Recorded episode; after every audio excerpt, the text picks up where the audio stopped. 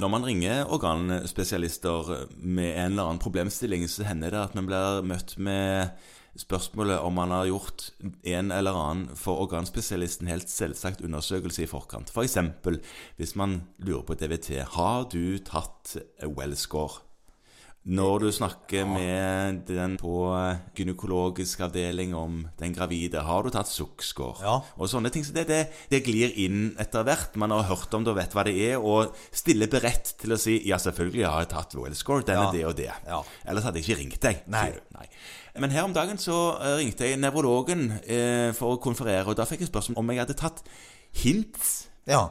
H-I-N-T-S-undersøkelsen. Mm. Eh, det hadde jeg ikke. Nei. Og da eh, ble Ingen jeg hin- i- Nei, jeg visste ikke hva det var. Nei. Rett og slett. Ante ikke hva det var. Hadde aldri hørt om det før. ga noe hint, eller? Han ga, han ga meg noe hint, ja. Eh, til hva dette var. Eh, og da er mitt spørsmål eh, Du har sikkert hørt om det, du òg?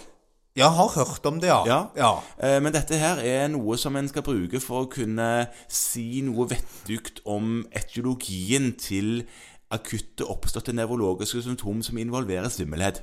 Ja, altså, for å snu litt på det, så er Ja. det en, et testbatteri, eh, består av tre undersøkelser, som en kan bruke til å prøve å skille akutt innsettende svimmelhet, Mm. som jo er en ganske vanlig allmennmedisinsk diagnose, Ja. der man kan prøve å skille mellom om dette er en perifer eller en sentral årsak. Ok. Altså, er det et hjerneslag som gir dette, Eller er det noe annet? Ellers er det vestibulært. Mm. Altså sitter det i eh, vestibular, altså organet. Mm, Og da er det tre tester. Men du, hints er jo fem bokstaver, men det er tre tester, Det altså. er tre tester. Så Ok. det første er HI, hodeimpulstest. Hodeimpulstest. Og det er egentlig på en måte, for å forklare det litt sånn enkelt for oss, er det å prøve å fremprovostere en nystagmus. Altså, det- Uten bruk av disse kule bartelspillene. Ja, så det man gjør er at man tar og ber pasienten fiksere blikket rett på deg, og så vrir man hodet kjapt til den ene og den andre siden. Og hvis det da medfører at pasienten ikke klarer å holde øyet fiksert, Ja. og får sakader etterpå, så tyder det på en vestibulær tilstand. Ja. Ved, ved sentral tilstand så forventer man at blikket da er festa under den bevegelsen. At man takler det. Ja. Mm. Og det andre er nystagmus i ro. ja. Og Mhm. altså både ved sy- synet rett fram og til siden. Ja. Og så er det det siste er om det er en vertikal skjeling. Vertikal Altså, når du, hints, dette her, altså hodeimpuls, det er HI. Ja. Og så nystagmus er ved den enden, da. NT. NT, nystagmus Ok, ja, vel. og ok. så er det S som er skjeling.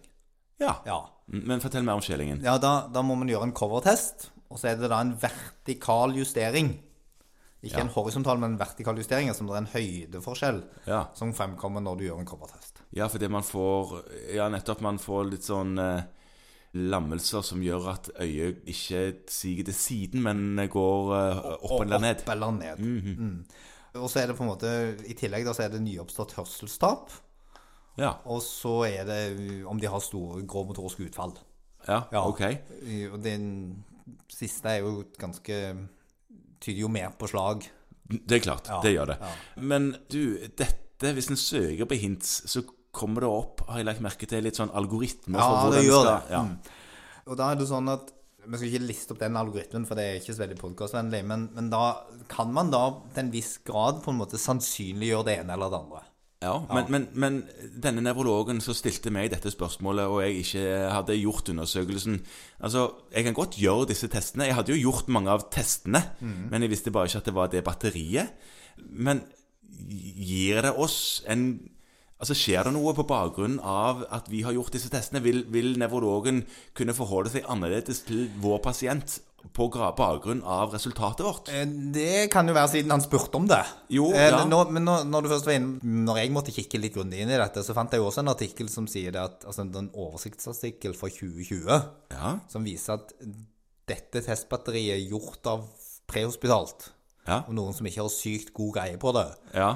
Der har du jo oss. Ja, vi, vi gjør ikke dette sånn før og etter lunsj hver dag. Nei, Nei. vi kan ikke begynne med det, men, men uansett, det som var gjort da i den oversiktsartikkelen, var å se på i hvilken grad det var godt til å skille. Ja. Og det var det ikke. Nei, det var det ikke, nei. Nei.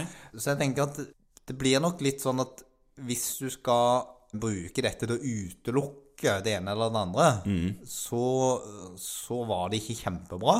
Og Derfor så er det sånn at har du i ditt hode en tanke om at dette her kan være et slag, eh, så tror jeg ikke på en måte at dine litt uklare resultater av en hint skal på en måte utelukke at du sender pasienten videre. Nei. Så d- mitt poeng var at du må gjerne gjøre, og skal kanskje gjøre, alle disse testene i forbindelse med utredningen av en nyoppstått nevrologisk tilstand hos en pasient. Det, det tror jeg er kjempelurt. Ja, ja. det tror jeg òg. Men det er ikke nødvendigvis sånn at eh, dette skal stikke løypen for hva som skjer i en spesialistavdeling med vedkommende. Nei, og hell, i hvert fall ikke i forhold til når du skal be om hjelp fra organspesialisten. For det Nei, var nei. det den studien så på. Så kan du på en måte ved, ved normale funn eller ved mye utslag her si at pasienten trenger ikke nevrolog? Nei, det kan du egentlig ikke. Nei, så hints utelukker ikke spesialisttilsyn. Ikke på noen måte. Nei.